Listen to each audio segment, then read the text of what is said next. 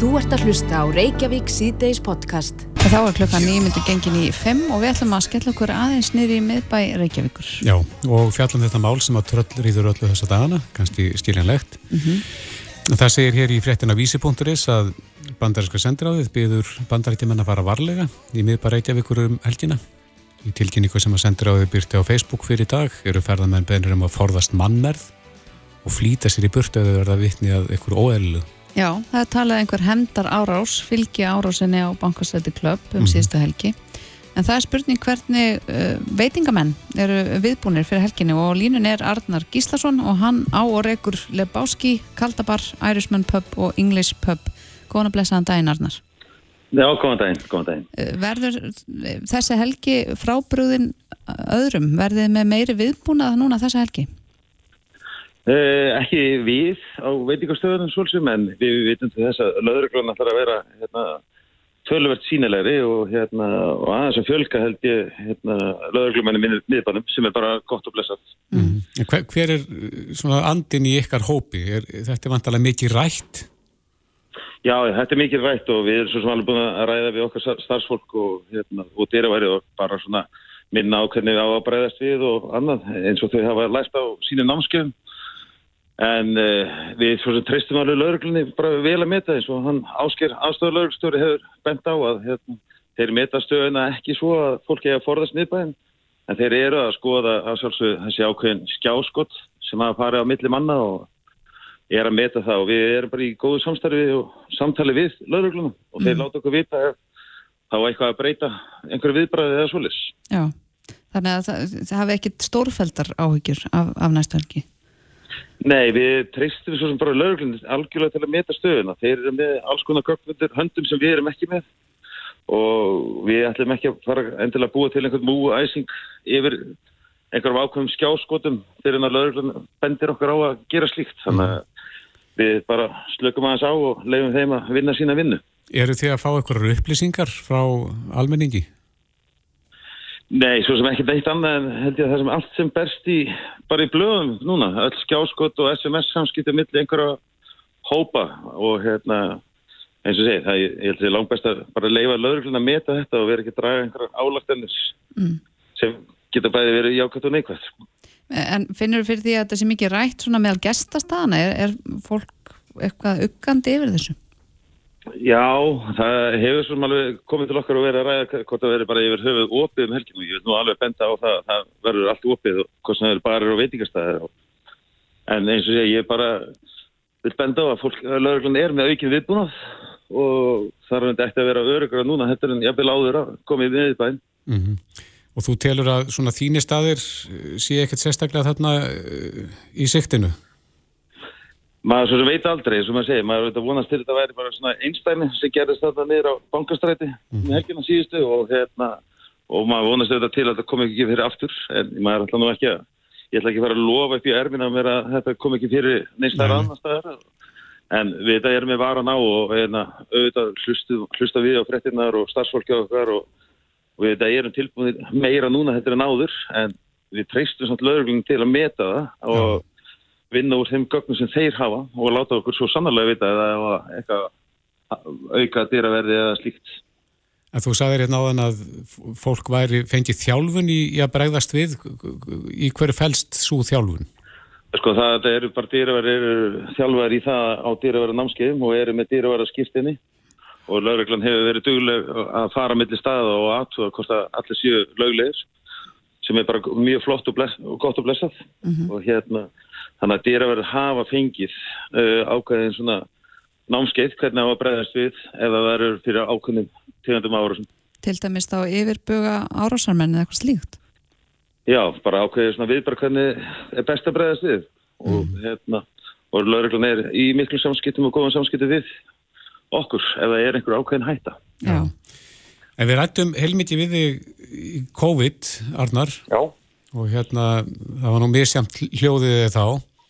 Já, já. Hvernig hefur ræst úr?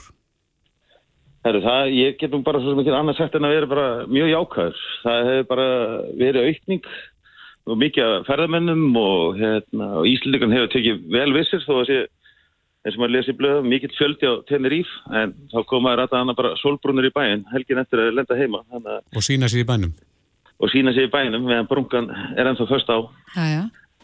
við erum bara, jú, við erum bara brættir og inn í jólavertíðina og það er full bóka á veitingarstöðum og við fáum á börunum fáum fordrykkina og eftirdrykkina og þannig að það er bara mjög góð stemning í bænum Er desember með, með stærstu mánadana?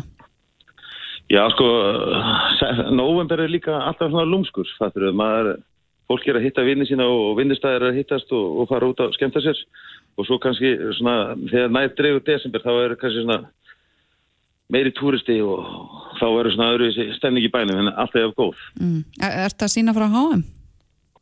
Já, já, það er allir pappanir sem eru með, er með sjónvarp og þetta er kannski bendur að sérstaklega á, hann kaldi bara það sem hann gokkir frá Brasilíu, það verður allir, allir leikinu með Brasilíu síndir og alltaf einhver glæningur er, er Brasilíu að skorur þannig að það má alveg kíkja þánga, það verður fjölmett Samba stemming Já, já, já, og bara mjög góð mæting á alla leiki, hinga til já. en það úslitin alveg já, bara galinn, eins og maður sá á hann til dæmis með Þískaland og Japan mm -hmm. En varandi þessar fréttir sem við byrjuðum að ræða, þá eru þið viðbúin en, en svona eru þið ekkert að stressa ykkur á mikið? Nei, nei, við bara erum að undirbúa okkur og tala saman og hérna, það er allir meðvitaður um umræðina mm -hmm. en löðuröglan ætlar að fjölka sér og sína sér og við, sem við erum bara ríkala ánað með og ég vonaði verða þetta bara eins og vennileg helgi bara og gengur svona stórsleisa löst fyrir sér og hvet allar bara til að koma í bæin og hafa gaman. Já, við vonum að þetta fari allt vel. Uh, Arna, við vonum það. Já, Arna Gíslason, veitingamæður, takk hjálpa fyrir spjalli. Takk sem að leys, bless bless. Þú ert að hlusta á Reykjavík C-Days podcast. Já, Reykjavík C-Days heldur áfram. Eh, mörgum að óvörum uh, hækkaði Sælambakki stýrivexti mm -hmm. í mhm. dag. Einmitt. Um 0,25 punktið eða ekki? Jú, rétt er það. Við kannski sáum þetta nú ekki alveg fyrir. Mm -hmm. Heldur kannski að þetta væri búið en greinilega ekki.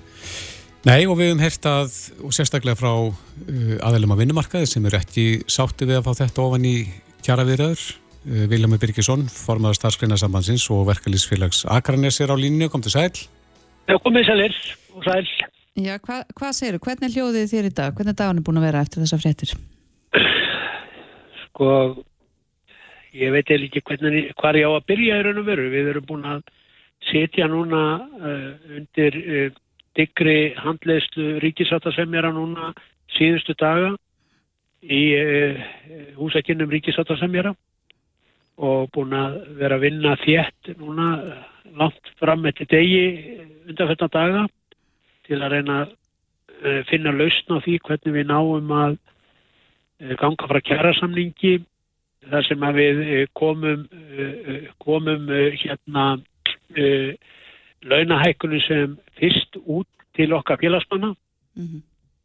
en niðurstaðan úr því er svo að við töldum okkur svona vera e, að, svona, að, að geta svona þreifað okkur áfram.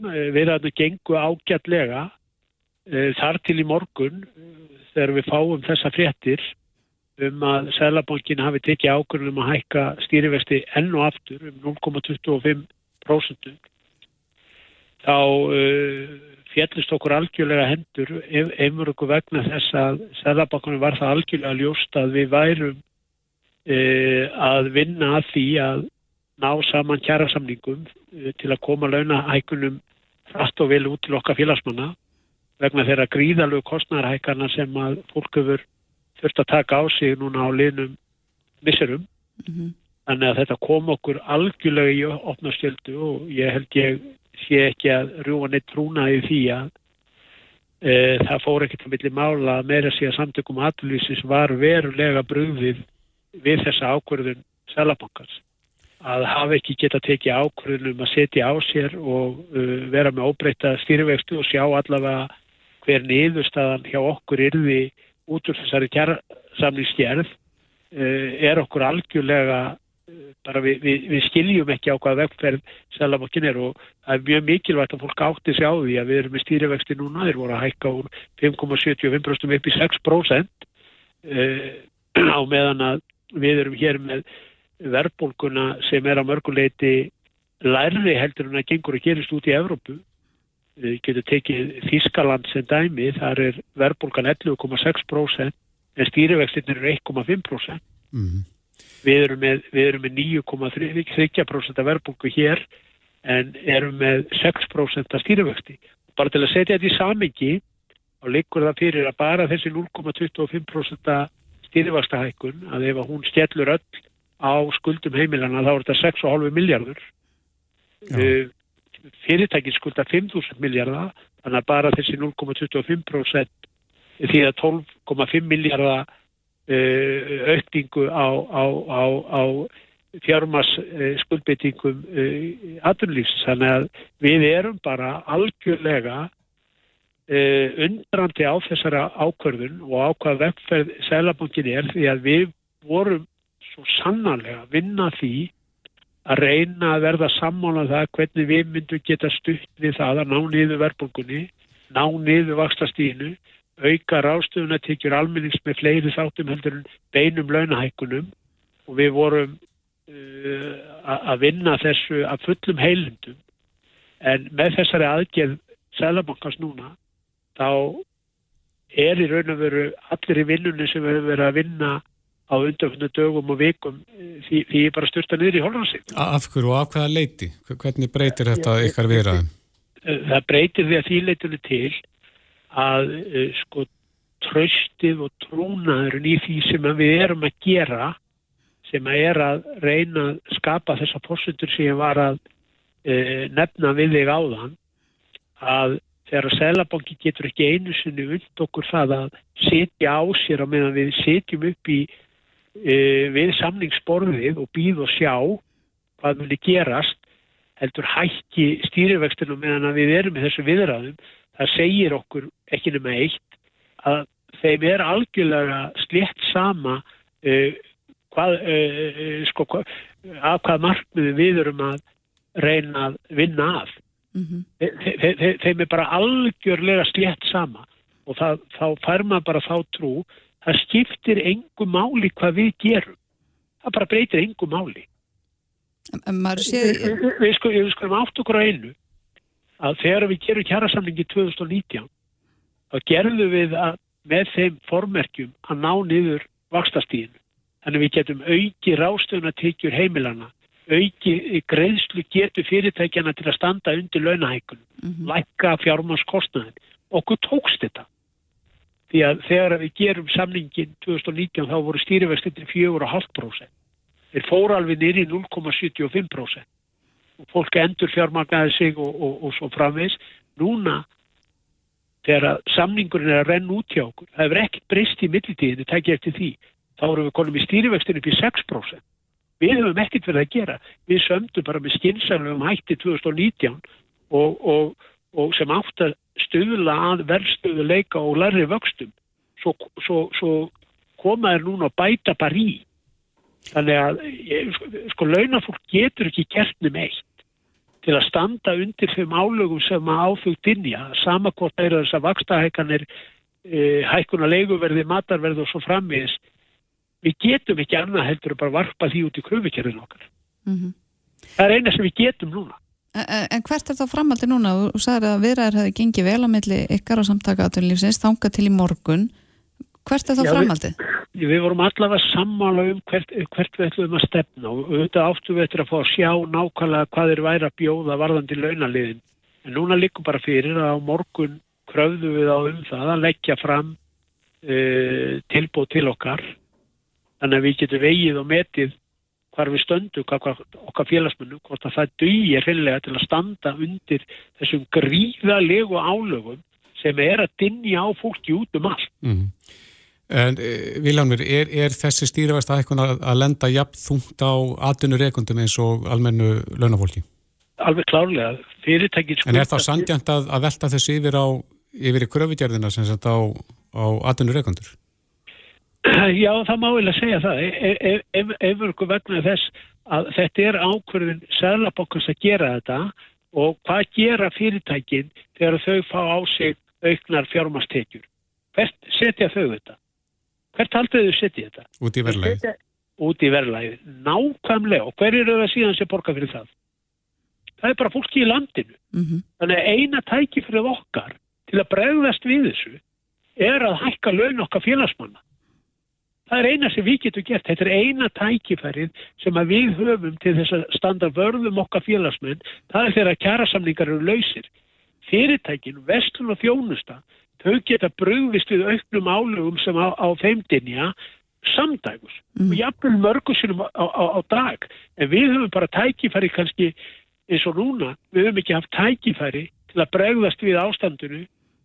Það er fjögur ár síðan að kjærasamling, við gengum frá kjærasamlingi. Þetta er, þetta, er, þetta er fyrsta tækifærið okkar. Fyrirtækin eru búin að bregðast við öllum kostnæðar auka sem á þeim hefur dunið bara okkur um einasta degi. Þau ekki nema að keira bara fram hjá sko, uh, bensinskildi. Þú getur kert fram og tekið síðan snúningin og það getur verið, búið að, að sko, hækka verðið bara með þú fórst í hringtorki og kemur tilbaka. Mm.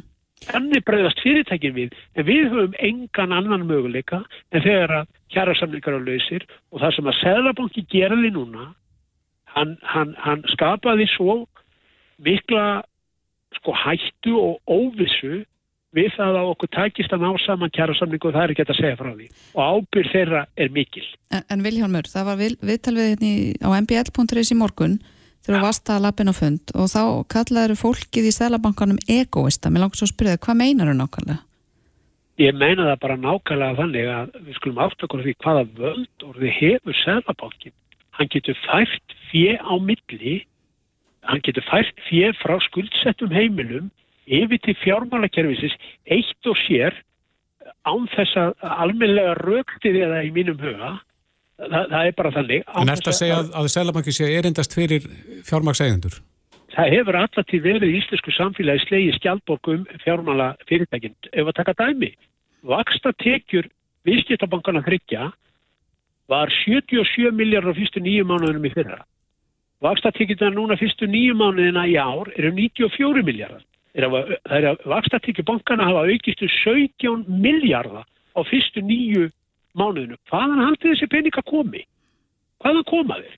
Þeir koma frá skuldsettum heimilum og fyrirtækjum og það má eiginlega í raun og veru áætla að vaksta tekjur fjármálakerfisins verði svona 24 miljardar meira heldur á sama tími fyrra og viðskiptabankandi þrýr þeir skiluðu 82 miljardum í hagnað á síðasta ári það getur sjávarúturinn allur sjávarúturinn okkar mikilvægasta auðlindir sem hefur byggt þetta land upp skilaði 65 miljardum en þrýr viðskiptabankar sem hafa það hlutverk að geima peninga og lána peninga. Þeir skila miklu meiri hagnaður heldur en öll sjáar auðlindin okkar. Já. Sér engi hversu galið þetta er. En Viljanmur, hann uh, Ástjör Jónsson Sælabankastjóri kemur til okkar hingað á eftir. Uh, Ég hefði viljað mæta honum Já, en hver eru þín stílabóð til hans? Skamma sín. Ég ætla bara að segja það hér nú skamma sín fyrir það að við sitjum við að sko svo ábyrg við samningsborðið og erum að leita leiða, allra leiða og, og vorum algjörlega með fókusin á, á mikilvægi þess að draga úr álögum og, og auka ráðstöðun að tekja fólk. Að voga sér að gera þetta meðan við sitjum þarna inni því að taktu eftir, Sæðlabankin hefur heimil til þetta að búa til auka vaksta ákvörðunar uh, tökku hvenar sem hann vill. Þannig að hann hefði alveg geta tekið ákvörðu það á þessum degi að segja er við viljum að býða og sjá hvernig mun, mun aðila vinnumarkaðarins ganga frá kjærasamningum. Við ætlum ekki að hækka stýrivöxti núna, við viljum fá að sjá hvað þeir ætla að gera. Viltu að þeir kalli til auka fundar og dragi þess ákvörðu tilbaka? Drægi þetta tilbaka og rúmlega það. Létti undir fyrirtækjunum að standa undir þeim launahækunum sem það er að standa undir og létti undir eh, sko, greiðslu getu almennings. Það eru, það eru 350 miljardar af lánum heimilana sem er á, með fasta vexti sem er losna á næstu 12 til 24 mánuðum og, þegar, og það er mikilvægt að almenningur átti sig á því að þegar að föstu vextinu losna þá mun greiðslu sig detta í lúuna hjá fólki sem er verður jafnvel 100 og jafnvel 200.000 krónum hærri greiðslubyrði heldur að það er að borga í dag. Fólk er bara ekki að fatta nákvæmlega eins og staðan er í dag af því að það er með fasta vexti en þarna erum við með 634 miljardar í, í heildina sem eru með óvertriða vexti sem er á förstum vöxtum og munir losna næstu 12 til 24 mánuðum. Þetta er grav alvarleg staða. Mm -hmm. Einmitt að við verðum að setja punkti hér Viljámur Byrkisson, formaður starf, starfskræna sambandsins og formaður verkefliðsfélags Akranis. Takk kærlega fyrir spjalli. Takk, takk. Þetta er Reykjavík C-Days podcast. Jæja, Reykjavík síðdeis heldur áfram klukkan 8.00 í 6. Það er dimt úti mm -hmm. og hefur verið kvast í dag. Þannig að við vetjum aukumenn til að fara varlega á sinni leið. Já, og þeir sem eru ekki kerandum á bílum að vera vel lístir mm -hmm. með ljós og endurskismerki. Það er erfitt að sjá í myrkrinu. Já. En uh, stóru efnagsfrettir dagsins er stýrivægsta hækkun Sælabankan sem að menn byggust nú reyndar ekkert sérstaklega við. 0,25% tækun Viljón Birgisson lísti þessu í viðtæl dag reyndar ekki við okkur sem blöytri tusku í andlitið en mm -hmm. hann er sestur hérna í okkur Áski Jónsson, Sælabankastjóri Velkomin. Takk að fyrir. Við vorum nú aðeins að grínast með þetta frammi og núna þegar við kynntuð inn að væri svona skurkur dagsins. Jájú Það stóður all, allir vanur Þetta nú tíu tíund af aðstæðakun maður fer að vera allir vanur já, en þetta eru þetta ekki þarna ekki þarna sko léttvægt mál að, að hækka vexti Nei, hver er, hver er rökin ekkar fyrir þessari hækkun? Sko núna er það sem er að gera þetta að, að, að um, við erum að sjá kannski, svona, miklu aukningu á hana enga neslu mm -hmm. og það er eitthvað leiti um, nesla sem við höfum ekki, ekki hérna gældir fyrir alveg mm. en það höfum séð gengi krónu veikjast og hérna Þannig við höfum aðeins ágjörð því að ef þetta fer að hérna, búum sér fólkvöldur áhrum eða eða penningum með þessum hætti að það sé að fara að skapa ákveðin þannig vandræði fyrir okkur þetta verður mjög erfiður að ná uh, ná þannig verðbólku niður. En getur ekki verið þessu aukna neysla uh, einskorðist við þennan árstíma og svo hefur verið hægt að býða fram yfir áramút? Jú, mögulega, jú, mögulega. Þarna Já, sko, fólkum, þetta er búið að vera eiginlega, allt þetta ár, sko, eða svona frá því, frá því að þarna, þarna faraldurinn endaði. Og auðvitað hefði maður skilning á því. Mm -hmm. Þá fólk var hérna innum lukkaði tvö ár og það var ekki hægt að gera nýtt. En, um, en við þurfum náttúrulega alltaf að halda um, jafnvægi í, í, í, í hérna, þjóðabúinu, þetta er náttúrulega ekki mikilvæg, við, við sjálfum sem sjáum alveg merkjum það að við séum ná árangri að verðbólka hefur toppað, hún toppað í, í 9,9 nú, nú þurfum við bara að ná henni niður. Um, sjáum einnig merkjum það að um, hækjur sér hafi líka náð ámarki og hérna, þessi fara að, hérna, síðust, hérna, ganga niður en, en við mátum þannig að þetta gengið byrja að gefa eftir aðeins. Um, út af því hvað uh, við, hérna, vörðskiptahallinur voru mikill. Mm -hmm. þannig við verð, verðum að íta meira á þetta Hefur engin önnur spil upp í erminni, ön, önnur heldur en vaksta hækkuna spili? Jú, jú, við höfum það sko, við höfum verið að náttúrulega beita þessum lánþæðaskilurum. Þannig að fólk, þetta er miklu erfur að fá lán og við töljum að sjálfsögur að, ég hef ekki vonan einum meira hækkuna á fasta markaði, töljum að eins og er náttúrulega húsnæði skortur í Reykjavík, það vantar, vantar húsnæði. Við, ræt, já, við rættum við náðan við forman starfskundarsambansins sem að eh, er þungorður varandi þetta og segir að þessi blöð tuska inn í þessa tjara viðraður. Eh, við spurðum hann eh, hver stílabóðin til þín væru og við skulum aðeins heyra hvað hann hefur við því að segja. Skamma sín. Ég ætla bara að segja það hér nú skamma sín fyrir það að við setjum við að sko svo ábyrg við samningsborðið og erum að leita leiða allra leiða og, og vorum algjörlega með fókusin á, á mikilvægi þess að draga úr álögum og, og auka ráttöðun að tekja fólk. Að voga sér að gera þetta meðan við sitjum þarna inni því að taktu eftir, Sæðlabankin hefur heimil til þetta að búa til auka vaksta uh, köku hvena sem hann vil. Þannig að hann hefði alveg geta tekið ágónu það á þessum degi að segja, er við viljum að býða og sjá hvernig mun, mun aðila vinnumarkaðarins ganga frá kjæra samningum. Við ætlum ekki að hækka stýrifækti núna, við viljum fá að sjá hvað þeir ætla að gera. Viltu að þeir kalli til auka fundar og drægi þess ákvörðu tilbaka? Drægi þetta tilbaka og rúmlega það. Hvað segir þú nú, Ásker?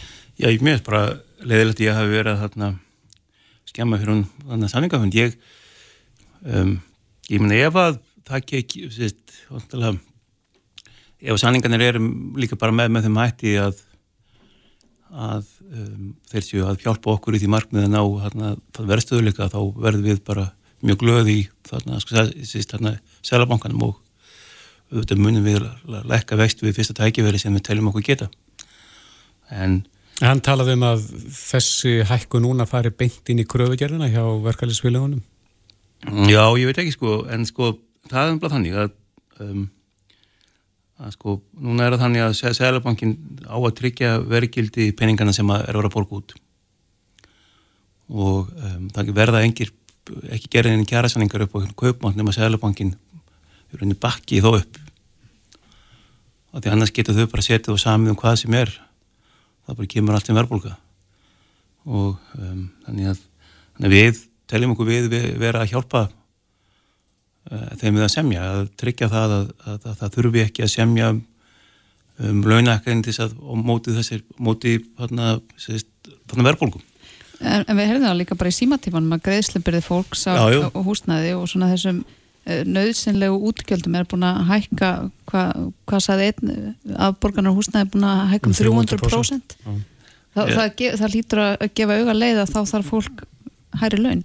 Já, já, sko, já hann var þannig að já, sko það nú um, náttúrulega herri laun eða ef, ef launur hækkuð umfram um, það sem hækjur í þólir þá bara kemur bara meiri verbulga þannig þá bara hækka afbúkurinnar hérna, hérna, hérna ennþá meira. En, en því þið áttu ykkur því sko að, sko um, launahækkanir, það hafa enga þýðingu nema það er búið til kaupmátt. Annars er þetta bara pappispenninga sem er verið að, að del út mm. þannig við, við þurfum að standa að, að bakið og, og eins og það er núna að, að þá er bara þannig að um, með að við þá eðslu sem er í kerfinu og þá bara sem er runni langt umfram þá það er, er tekið sem þjóðun er að afla sér þá bara verður við að reyna að tryggja jafnvæg Hér er spurning frá hlustanda sem að spyr hvort að ríkið, eh, fjármálar á þeirra geti gert eitthvað til þess að, að stíginni þetta og, og milda áhrifin? Já, sko, það er tvenn sem að ríkið getur gert. Vistalega að bara reyna henni bara að eigða minna. Ríkið? Já, og, og eða, eða þá bara eða einhvern veginn minga hallan. En það sem ríkið getur líka gert, sko, það er hluti sem við getum ekki gert. Fólki get, þessi ríkið getur fókusur á það hópa sem að lenda ítlega þá út frá þessum aðkjölum. Mm -hmm. Og þá þeir sem eru þarna tekju lægstir verðbólka kemur mjög ítlaðu þá sem eru tekjulæstir uh, að því að verðbólka er eitthvað litið kaup á um, verð á nöðsynniðvörum og um, auðvitað hugsa við um það líka. En á saman tíma líka um, eins og þeir sem tóku húsnæðarslánu sínum tíma sérstaklega eða það var árum 2020-2021 að þeir ándur hafa grætt tölvöld mikið. Höfustólinn er gangað niður. Mm -hmm. þó að þarna greiðslefinn sé há og það sem gerist náttúrulega það ef, að, ef okkur hefnast ekki að ná tökum á verðbólkunni saman Sælabankanum, verklæðsjæringunum og fleirum og verðbólkan heldur áfram þá erum við bara að fara aftur í þetta verðtriða kerfi. Sko, ja, því að fólk getur faktið séð fara aftur í gamla kerfið, farið í verðtrið lán og þá ert ekki með þess að háu þarna greiðslupyrið þá ert ekki að borga út þannig verðbólkuna mm -hmm. sko það er engin að fara að vera gjaldrótt út af þessu allavega ekki bili, ég held að það, það er ekki fyrir að fólk vera fyrir að kemur samdróttur en því miður þá þarna, um, er að þannig að þá eru það bara aftur að fara í, í, í hérna gömlu þannig verður lánin en, en þarna Eru einhverjir, annar spurning, eru einhverjir sem að græða á þessum vakstaðhækunum? Það er að hverjir, hverjir græða? Það eru kannski engi sem græða neða ekki að verða eitthvað neður ántrúlega um, þeir sem eru með, eiga, eru, eru með innlán Það er talað um að þetta sé fjár, færsla á fjármönum frá almenningi til fjármaks eigenda? Já, sko, það er endur ekki alveg rétt en það er sko, þeir sem eiga hlutabröf sem það er með þeir tapa þessu um, Vasta hækkarni koma þeim ítla, ítla við sem, að, sem eiga, eiga, eiga hlutabröf að því verður hlutabröf á lækar mm -hmm. um, Spari fyrir eigundur þeir er náttúrulega hagnast á þessu, fyrir segja en hins vegar eru þeir náttúrulega bara með mjög neikvæðan vexti, sko við höfum verið að brenna niður spari fyrir fólks mm -hmm með þessari, það eru neikvæða raunvæstir, verðbólka er 9,4% stýrivistinu okkar eru 6% og þarna þannig við erum að brenna niður sparfið sko. Þannig að, þannig að morða þannig við sem að minka tapfóls sem hans berfurenda En hvar viltu sjá verðbólguna til þess að geta farið að lækka stýrivexti? Það sem við erum bara að, að vona það, þá sko við eigum sjálf sér vona því, hún, hún er á, á, á leðinu niður, hún er vísum 9,4%, hún hækkaði síðustu mælingu, þá voru okkur vonbriði. Uh, líka vonbriði að sjá gengið aðeins lækka, hef, og hún gengið hefur aðeins verið að gefa, gefa eftir, það gerur okkar starfi erfiðara. Mm -hmm. Við hefum viljað svo gengið vinna með okkur meira. Um, er það vegna minni eftirspilnar eftir krónum? Var það farið ferðamenn? Nei, sko, já, sko, við hefum ekki náða aftur sömu gældurisköpunni eins og var hérna, fyrir, fyrir, fyrir, fyrir, fyrir faraldurinn, en þetta er náttúrulega miklu leiti bara, bara nisla og fólk er að mm, náttúrulega að fara á tenni, eins og ég nefndi er, er, er það ennþá bara tásumindur á tenni? Nei, nei, ég, nei, nei ég, sérst, Hvað erum við að eða svona óbúrslega mikið í? Bara í, í þarna, sko, margskonar hluti. Og þetta er ekkit óhulegt að sko það hefur gengið bara mjög vel hjá þjóðunni undanfarið. Um, og kjærasamengandi sem hafi verið gerðið hafa hefnaðast mjög vel og, og, og hana, Vilhelm Birgisson og, og félagar hans með alveg eiga það að kjærasamengandi sem þeir eru gerðið síðast stöðlugasamninganir mm -hmm. að þeir, geng, þeir gengu mjög vel upp. Og endur voru þeir með, með, með að við þar aðstæða sem voru í, í þjóðfélaginu þá. Og við Sælubankin stuttu þessu sanninga í gegnum faraldurinn. Við seldum 200 miljára gældir eitt þess að stiðja við kaupmáttin í landinu. Og um, en eins og staðin núna það komið svo mikið þarna þarna viðstæðalli þá viljum við ekki beita forðanum með þeim hætti að halda gengi krónur uppi mm -hmm. og það er það sem ég sagði við ætlum ekki að vera fjármagna tenniferðir mm -hmm. en þú veitur það bara bara þarna ná, myndlíking mynd, myndlíking sko, mm -hmm. þannig að þannig þá, þá verður við frekar að, að að, að, að beita vöxtum. Lilja spurði hvað aðstæð þurfa að skapast þess að lækka vextina? Hva, Já, ég held að sko bara, ég, bara það að við sem að sjá verðbólk aftur aftur fara niður og um, Niður, niður í 7%? Nei, nei, við, við spánu okkur núna, þá spánu núna hjá okkur, þá ættu 6% vextir að vera til dæla nægilegt þess að verðbólki sé fara niður í 4% eftir ár og uh, fari úr, úr 9,4 í, í 4%. Ætlar þá að halda stýriföxtum jafn háum þanga til verðborgan kemst nýri 4%? Ég við náttúrulega horfum alltaf tvö ár fram tíman, eitt, tvö ár. Þannig ég um, vonandi getur við hérna, slakað áttur á. Hvenar? Það er góð spurning. Ég, það er bara hann margt óvann sem gerist, sko. Við erum ekki að gera okkur hana, leika því að, að þarna hækka, það er þarna hækka veisti og og við teljum okkur vera að vinna með uh, verkefælisfélagunum og, og þau mættu hafa skilningu því að, að við sem að tryggjum verkildi í peningana og allir þessi kjærasanninga veru ónýtir ef við höfum ekki greip til, ef við höfum ekki hækka ef við höfum ekki greipið inn í þetta. Við höfum ekki sett skilir á það lántökur. Við höfum eins og að að þá verður verðbólku miklu herri við sjáum það í, í þeim löndum í Európu sem ekki hafa eigin peningastefnu að verðbólka þær er komin í tekist átölu, kannski 20% sem það er, að þá væru þessi kjærasamningar og þessi samningar alveg ömulegir þá væru við bara aftur komin á, á þann stað sem vorum bara hérna fyrir einhverjum, einhverjum áratugum mm -hmm. þannig að Þannig að það er borin vonað Viljámi fái drömsinn uppfylltanum að þú kallir til aukafundar og lækist Já sko við, við viljum ekki sko, við, við viljum skapa fyrirsjóningu við viljum ekki vera að kalla til aukafunda bara að sí svona og koma uh, einhvern veginn að bara, við gerum það bara í, í, í faraldurinn þess að, að bregðastuðin en svona að kalla kalli aukafunda við, við viljum skapa fyrirsjóningu að fólk átti sig á því ef, ef það er að fara að gera hana lánasanninga að það viti það að það geti gengið frá lánasamningi fyrir fyrir næsta fund okkar. Skiljið þannig að þannig að það er við sem koma alveg aðtana fólki. Mm -hmm. en sko en við sko en, en við, svo, svo sé aftur, ég, ég til það að ég og hérna Vilhelm séum í samanliði og, um, og það er að hérna tryggja þarna, þarna verkildi lögnuna sem samiður um, um svo er bara þannig líka að sko það verður ekki við alltaf ráð, við erum lítil þjóð við erum háð því að flytja út. Mm -hmm. við verðum að framlega honi það sem við þarna greiðum. Og þarna og núna bara þannig að það voru mjög góð ár að baki. Við erum núna með erfið aðstæður. Um, þá horfum við ítla fyrir í, í Árópu um, eins og þið bara og eins og þeir kannski hafa orðið orðið varfið þessi mánuður ennþá hafa verið mjög lýr í Árópu þeir eru ekki enn byrjað að kynnta húsin sín. Mm -hmm. líka fyrir að þeir eru ekki að fá gas frá Sýberíu eða frá þarna Rústandi og það er alveg, alveg hægt á því að, að það verði um, efnastaðan vestni verulega eftir ánum og, og þá er ekki gott fyrir okkur að fara inn í þá stöðum bara með einhvern þarna, þarna viðstahalla eða með þjóð sem er bara eða spenna.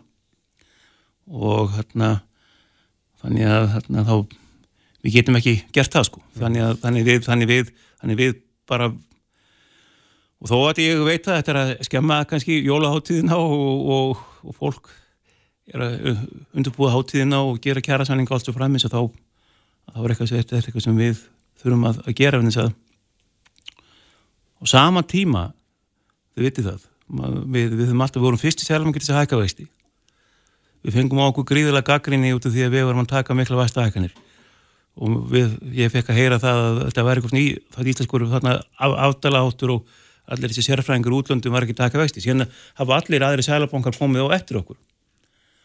Þannig að þetta er mikilvægt verkefni. Við, við erum, þurfum að reyna að vinna fram í tíman mm -hmm. núna til ég að staðansi þannig að við, við verðum að vera viðbúin því að taka, takast við erfiðari tíma á hana, síst, hana, næsta árið þess að helstu þarna, þjóður okkur í Európu það er ekki að fara að borga hátt verð fyrir fiskin eða, eða fólk er að fara að komingað ef ef að fólk getur ekki borgað þarna þannig hittar reyning úti mm -hmm. þannig, að, þannig, að við, þannig að við þurfum að fara þannig að aðeins að hafa þarna varan á okkur fyrir, fyrir svona næstu næstu misseri. Já, við verðum að fara að setja punktinn fyrir geðu en, en uh, þú kallar eftir aðkomi ríkisins að, að ríki stíði hann inni. Já, sko ég bara vil að bara ríkið ríki fari líka varlega að, að, að þeir, það sé mjög mikið fókus það í, í hvað ríkið er, er að eða peningum. Uh, ríkið hefur, ríkið, ríkið getur gert ákveðna hluti sem við getum ekki. Ríkið getur fókusir á ákveðna hópa mm -hmm. sem, sem, sem að standa veiki fyrir. Við getum ekki gert það. Við verðum bara að hækka vexti eða setja skilir í, við, við verðum eiga þarna, þarna jæmt, jæmt við alla og en að þessu sögðu þá bara, bara vona ég kærlega að, að, að Vilhelmin á góðum sanningum. Að, og hann og þeir sem eru með honum að þeir að það fólk sem þeir hafa umbúð fyrir að þarna, þeir geti samið um, um samninga því að við munum sannlega við munum, selum ekki munum sannlega að koma því. Mm -hmm. Þannig að þú sendir Vilhelmi hlýjar kveður Já, algjörlega hlýjar, ég get bara hlýjar hlýjar kveður upp á skaga og hvað sem hann er niðurkomið núna og en, en, en Sælabanki mun, mun auðvitað öllum mætti reyna að tryggja það að, að þeir samlingar sem að vera gerðir þeir haldi. Einmitt. Áskei Jónsson, Sælabankstjóri, takk kjærlega fyrir komuna. Þetta er Reykjavík C-Days podcast. Já, við heldum áfram, Sælabankastjóri er ný farin frá okkur mm -hmm. að ræða stýrivægsta hækkun og svona rökin á, á bakvið hana. Já, hann er ekki í öfundsverður í stöðu. Nei, líklegast ekki. Ég, ég held að ég myndi ekkert sérstaklega sækjast eftir þessu starfi Nei. ekki, og þá líka bara út í hef einfallega ekki þekkinguna Nei, akkurat En við rákumst á grein á netinu, það sem er listi yfir þær 25 þjóðir það sem að þykir best að setjast í Helgan Steini Já, ættu við að ofinbæra núna hvar Ísland stendur á þessum lista? Já, þannig náttúrulega tekið inn í dæmið ímsir hlutin eins og til þess bara heilbyrðiskerfið og, og lífsgæðin almennt í, í löndunum mm -hmm og uh, svo náttúrulega fjárhagslegi hlutin líka Einmitt. en hvað eru við? Við erum í þriðasæti Það er þriðasætið Í fyrsta sæti er Norröður mm -hmm. og í öðru sæti er Sviss svo er við hérna í þriðja Já. Írlandi fjórða og Ástralegi fymta Já. Á botninum er Ísland Frakland og Malta. Mm -hmm. En hvað segir formaður landsambands eldriborgar Helgi Pétursson? Kom til sæl? Komið sæl Já, það verðist samkvæmt þessu vera bara nokkuð gott að eh, eldast á Íslandi. Það kemur ekki óvart, það er bara, það er mjög, mjög hérna þægilegt og gott að eldast á Íslandi og, og hérna hér er fullt af hlutum í kringum okkur bara svona sem við tökum, tökum ekki eftir eða erum ekki sérstaklega að, að leggja mata og fullt af hérna, þáttum í daglegu lífi sem er ekki hægt að meta til fjár. Eh, eins og hvað? Og bara, bara eins og setja fram í þessari hérna, pannum sko bara loftgæði hvað sé að jarðhittin fleiri þættir sem koma þarna fram sem að, að hérna sko bara við njótum og, og hérna aðra þjóðir hafa ekki aðgangast Megu við vera döglir að halda því til haga því að nú heyru við yfirleitt sko hinn að hliðina? Já, ég, sko, já, ég, ég, mér finnst það eins og fólk sé ekki að sko, menn er ekki að, þú veist, við búum hér í, í, í litlu samfélagi, sko, við erum, við erum, við erum örug, hér er ekki, já, náttúrulega, nýjustu fréttir eru náttúrulega ekki góðar, en, en hér hefur maður, minnst kosti, haft á tilfinninguna að hér er ekki sko, glæpa væðing og, og maður er ekki óttaslegin. Mm -hmm. það, sko, það, það, það er fullt af þjóðir þar sem að fólk sko, býr við það. Það er, er ótti við, ég held að við séum það ekki. Mm -hmm. og fullöðu fólk hér sem nýtur, nýtur þess að, að hérna þurfu ekki að hræðast hluti en, en ég bara vona að koma ekki til þess.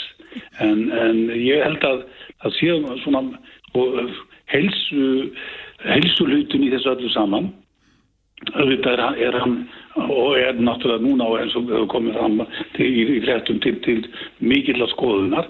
Síðan er bara sko lífsgæðin sko hamingistíð og, og það, það tala hér um að, að sko, mat á vatni og, og reynlæti og, og loftgæðum og umhverfistáttum mm -hmm. þetta, þetta er náttúrulega hjá okkur við, við sko vöðum í gæðum mm -hmm. í þessum, þessum hlutum sko, verður ekki metið til fjár En sko Noregur og Sviss skák okkur Já. á þessum lista mm -hmm. hvað getur við gert þess að komast á toppin? Við, við getum kannski tekið til dæmis þá er náttúrulega þáttinn sko að, að það er, er, er greinilegt að mörg lönd hafa þurft að, að hækka eftirlauna aldur uh, eftirlauna aldur til þess að bara fá fólk til að vinna lengur mm -hmm. og, og normenn til dæmis gera þannig að, að þú mótt vinna eftir, eftir 67 aldur eh, fyrir ákveðinu upp að það gerur það skattfrást skilur. Það er alls konar hlutir gerðir eh, sem eru, sem eru hérna sem við þyrtum að, að skoða miklu betur mm -hmm. því að það er að, sko, það er að koma hér inn hópur af, af, af fólki sem er í fullu sko, fullu sko, getur unnið og hefur fullan kraft til þess og vilja Já. og sko því hefur ekkit endur að verið ekki endilega verið svarað en það, það er í gangi, ég held að menn séu að átta sig á þessum hlutum og, og hérna en, en svona í, í sko, bara það áttið ykkur á því gott fólk að sko við erum með 120 sundlaugar á þessari eigu mm -hmm. sem eru sko sem eru svona spa dæmi ykkur sko sem bara aðra þjóði hafa engan aðgang að svona flott heitum þetta, þetta, þetta, þetta er svo gríðarlega verðmæti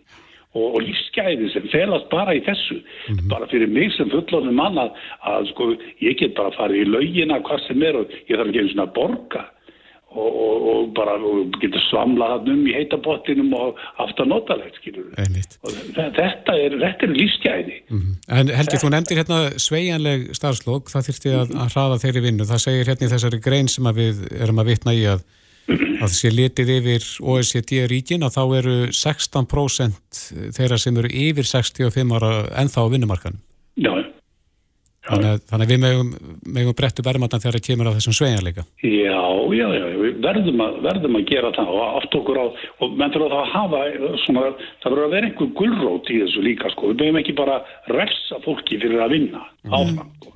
Við verðum að passa sig á þessu og, og, og, og ég trúi því að, að, að menn menn muni, muni laga þetta en, en, en ég er ekkit hiss á því að við séum þarna í, þannig sé í þriðja sætu og á hraðri uppleið Ég, mér langar líka að benda á þó, þó við séum svona á jákvæðum nótum þá eh, ef við lítum yfir stig Íslands þá fáum við lægsta engun en það er kemur að fjárhag á eldra árum Já, já. Hva, hva, Hvernig getur við? Já það er náttúrulega við erum búin að vera í málaferlum mm -hmm. við, við samfélagið til að, að, að breyta þessum en sko ég veit ekki sko menn, menn verða að átta sig á því að, að hérna við, við þurfum sko þið bara, þið tvö sem setið þarna þið, þið er að ganga inn í inn í hérna eftirlöðnakerfi eftir nokkur ár sem er, er full búið mm -hmm. og sko munið hafa það fínt Nú, já, já. mjög flott, miklu betur betur heldur en, heldur en þannig séð við hín höfum verið að en það sko við erum, erum, erum búin að vera að byggja upp þetta kerfi og, og arg, sko, sem sagt rifrildi hefur staðið um það að, að sko það vantar upp á upp á sem sagt það að við séum að, við sem að þessi stóri hópur sem er að koma inn núna geti látið sig svona líðan sko, líðan vel fjárhagslega og, og, og sko við erum með alls konar svona skammar bletti á okkur sko við, við erum með 3500 mann sem er undir fátækarmörkum mm -hmm. skilur og það, það, það, það er bara hungumörkum sko. það er þessi hluti sem eru svo miklu smánarblettir í þessu sko, sko moldríka eiríki sem, sem við lifum í sko og höfum, höfum allt til alls En held ég sóknarferðin eru greinlega þarna í fjárhags hlutanum til þess að koma Já. okkur á toppin upp fyrir Sviss og Nor Noreg. Þau, þau eru það. Hitt er, hitt er sko verðmæti í, í kringum okkur bara útsýna á hverjum degi og bara all, allt þetta sem er sko er ekki eftir að meta til, til fjár. Nei, munum eftir því ákvaða líka. Helgi Pétursson, formaða landsambands eldri borgar að kæra þakki fyrir þetta. Takk að sömulegis.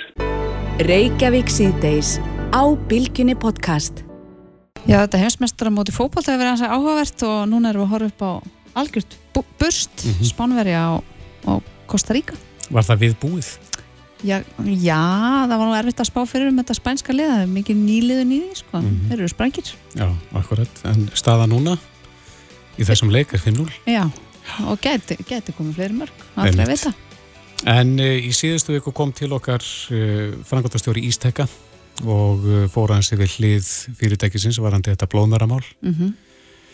og þetta vakti aðtekli fyrir hjá samtökum um dýravelferð á Íslandi Jú. Rósa Líf Daradóttir læknir og hestaræktandi varaformar í þeim samtökum er komin til okkar, velkomin. Já, takk. Já, þú skrifaði grein þar sem að þú svona raktir að ykkar mati uh, rángfæslur Já, mikið rétt. Mikið rétt. Við fundum okkur knúin til þess að senda frá okkur smá aðtjóðsamdir eftir að við hlustuðum á þetta viðtal. Mm -hmm. Það sem að okkur þykir mikilvægt að hérna, halda staðrindum málsins til haga um, og það er þannig að við höfum lagt mikla vinnu í það að kalla eftir upplýsingum og abla gagna og, og ræða við sérfræðinga ræða við erlenda framleiðendur og, og, og svoleiðist til þess að einmitt draga fram staðrindir málsins og, og til þess að við getum fjallað um þetta mál á svona málefnilega hátt. Mm -hmm. um, og í umræðinu höfum við einmitt verið uh, sökuð um það að, að fjalla um þetta mál á einhvern öfgafullan hátt eða halda upp í staðileysum eða eitthvað svoleiðis. Uh, og, og þá er það yfirleitt fórsvarsmenn ísteka sem að saka okkur um það. En það er einmitt það sem að þeir gera í sínum málfóriðlingi. Hvað, hvað stakði mest í þessu viðtali síðastleginn fymta? Það voru nokkur atrið. Það má til dæmis nefna það að framkvæmdastjóri Ístaka heldur því fram að afur þeirra, þetta PMSG hormón, sé nöðsynlegt. En það sem að þetta hormón gerir er að, að, að það eigur frjósemi annara hústýra og sérstaklega vinsalt í svínaeldi til dæmis mm -hmm. Og, eh, og vinsalt í verksmiðu búskap. Og, og þetta hormón virkar þannig á, á gildurnar að það er eignast fleiri grísi en þeim eðlert er og það er stittra á milli gota. Þannig að þetta eigur álag á, á gildurnar og, og þeirra þjánungu sem er nú alveg næg fyrir. Um, þannig að það er okkur þykir það mjög förðulegt að halda því fram að slikt efni sé nöðsynlegt mm -hmm. Það var nú fleiri hlutir sem að, sem að við vorum kannski ekki sammála um. Um en það er til dæmis það að hann heldur því fram að þessar hrissur séu við góða hilsu og að uh, blóðtakan skaði þær á engan hátt. Um, þessu, þessu erum við ekki sammála. Mm -hmm. um, en það hefur verið þannig gegnum, gegnum þessa umræðu að, að bæði fórsvarsmenn ístækka og, og, og starfsfólk maturlastofnunar hefur ítrykkað vittna til rannsókna sem að eiga að sína fram á það að blóðtakan skaði ekki risutnar, ekki með neinu móti. Mm -hmm. um, en það er nú bara þannig að þessar rannsóknir þar eru ekki til. Það, er, það eru engar rannsóknir sem að, sem að sína fram á það að það sé í lægi að taka 5 lítra úr fylgfulli meri vikulega áttasinnum svo, þannig, að, þannig að þetta er alveg það er, það er svolítið neikslanlegt í þessu um, hins vegar e, eru til það er til efni um, um blóðtökur úr spendurum og, og þau benda einmitt til þess að við göngum mjög langt langt út fyrir öll hilsamlu mörg í, í, í þessu mikla blóðmagni mm -hmm. og, og við sjáum það bara á þessum, þessum takmörkuðu gögnum sem að fórstasmenn ístaka að bera fyrir sig eh, sem eru þessar blóðröða mælingar sem að eh, samanstanda af eh, mælingum úr minna en 2% úrtaki að við sjáum á þessum mælingum að það er þarna stór hluti hrissa sem að liggur mjög neðarlega í, í blóðröða og eru þar að leiðandi að glýma við blóðleysi og, og þjást. Þannig að þetta eru svona þessi stóru atrið. Það sem að kom líka fram að, að því rættu þarna um að, að blóðtökur úr fylgföllum hryssum var einni uh, gerðar í Þýskalandi. Já, hann nefndi það. Já, akkurat mm -hmm. og, og, og það er alveg rétt en hann, hann, hann nefnir ekki að þar eru aðferðinar allt, allt aðrar. Að hvaða leitir það er öðruvísi?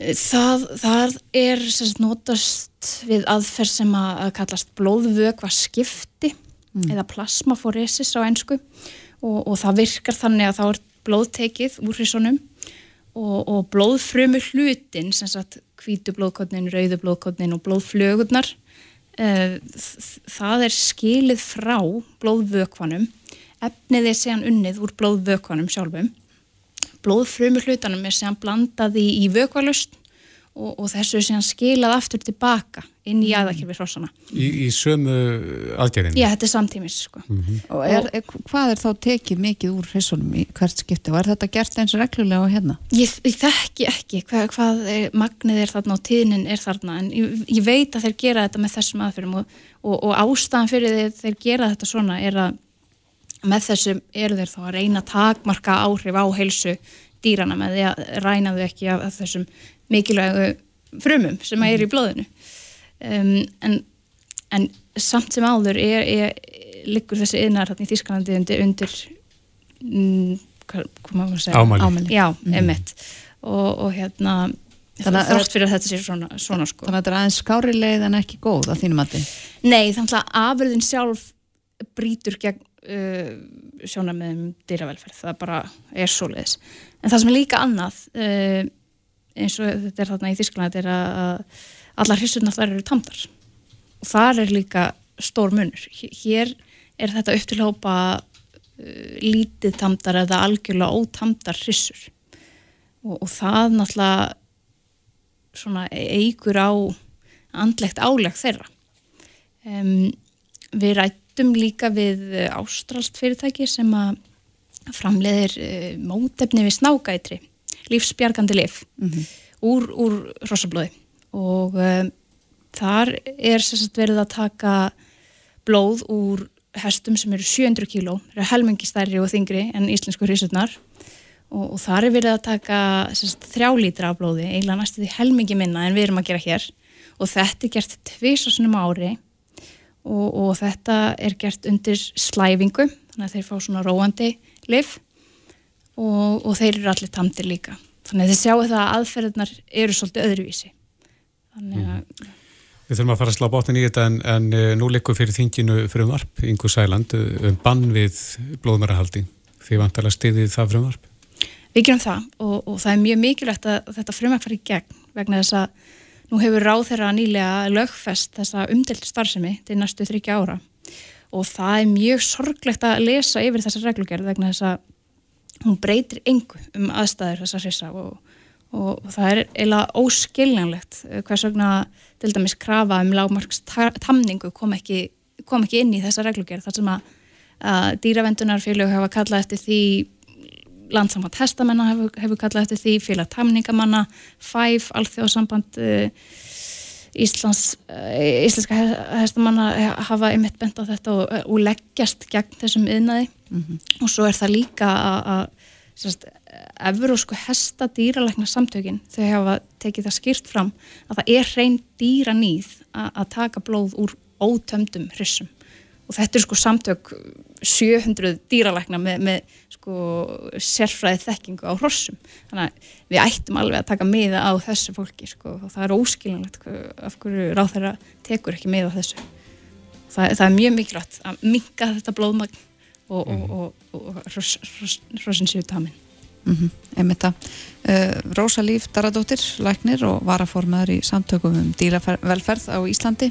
Uh, Takk kærlega fyrir spjalli Já, takk fyrir mig Hlustaðu hvena sem er á Reykjavík C-Days podcast Við höldum áfram hérna í Reykjavík C-Days og það er kannski tvent sem hefur staðið upp úr uh, í tengslu við börn og ungmenni mhm. umræðinni mm. undanfarið mm -hmm.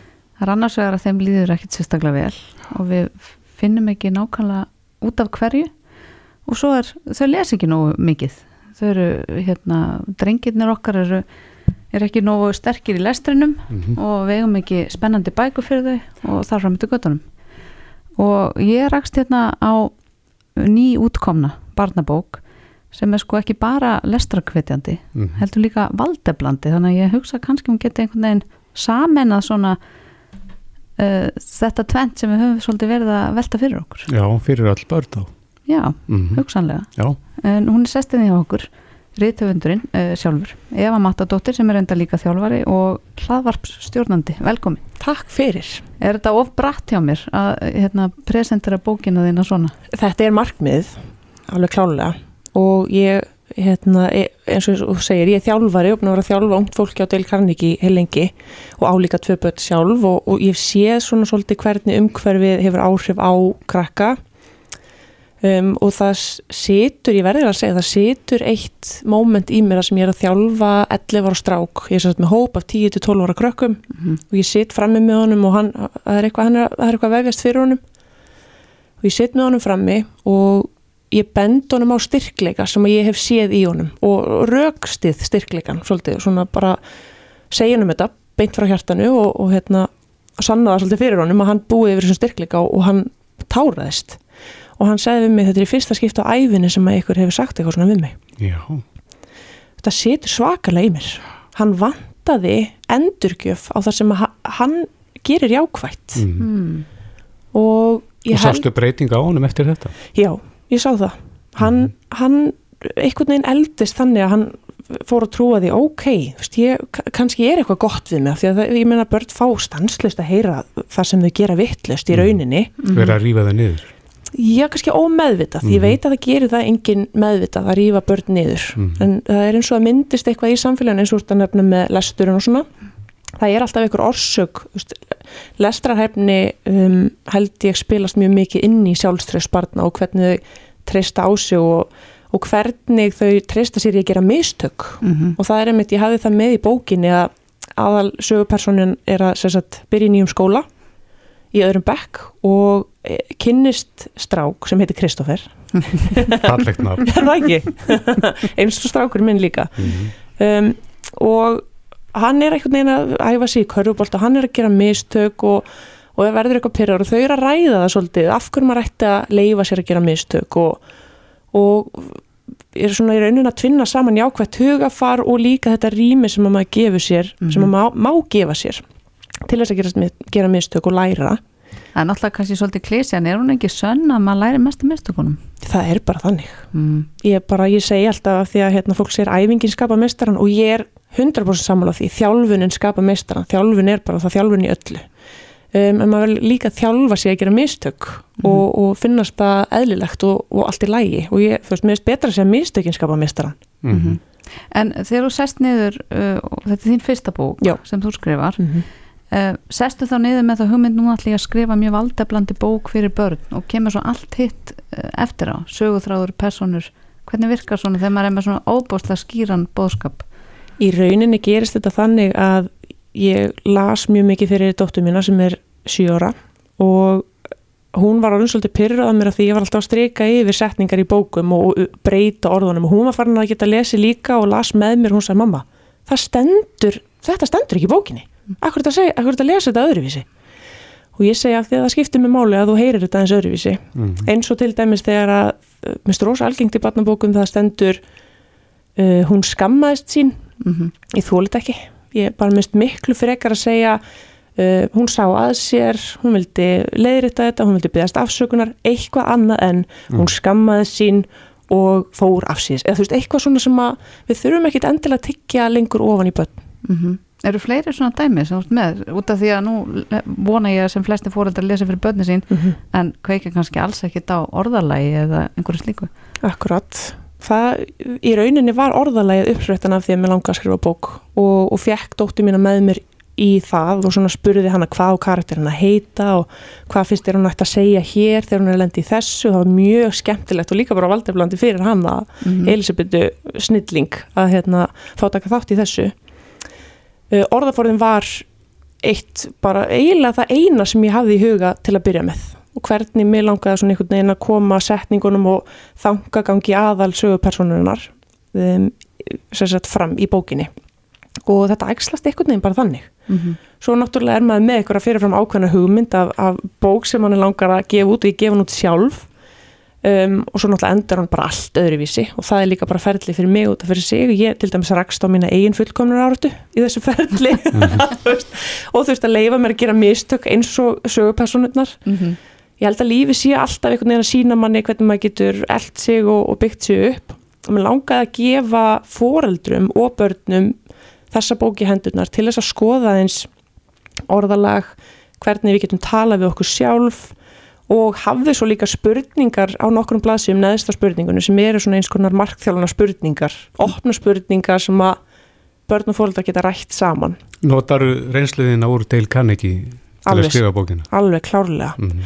þaðan fæ ég færni í náttúrulega rosalega þjálfin sem að fyrir gegnum til að verða þjálfari alveg gæða vottað í svo staðla erfiðasta sem ég hef gert að fara í gegnum þetta þjálfarferli en þarna fekk ég færni í því að sjá möguleikana í fólki Mhm. og einhvern veginn hjálpa þeim toga styrkleikana út úr fólki og hjálpa þeim einhvern veginn að nýta þá í eigin lífi Mm. og lifta sér upp þannig að, að fólk í raun, raun og veru trúi á sig ekki kannski eitthvað svona eh, að setja upp einhverja grímu og bara þóra í fimm mínútur, þú veist, þó að það sé stundum alveg holt og gott að, að láta vaða uh, þannig, en svona einhvern veginn að það byggist einhver steipugrunnur mér finnst það voða gott að hafa einhvern veginn það að leiðaljósi að við séum í uh, þessum pælingum. Hvernig get ég haft grunninn minn sem sterkastan? Ég held að á þessum aldrei, ég meni ég uh, þessi sögur þar að kannski hendar 5 til 8 ára cirka Má segja þetta sé bara í rauninni grunnurinn að Dale Carnegie fyrir þennan aldursók? mögulega, Mhm. þú veist, það er bara fyrir 10 pluss Mhm. við varum náttúrulega bara upp í uh, 110 en það er, uh, mér finnst svona einhvern veginn vanta þetta fyrir yngri aldur Mhm.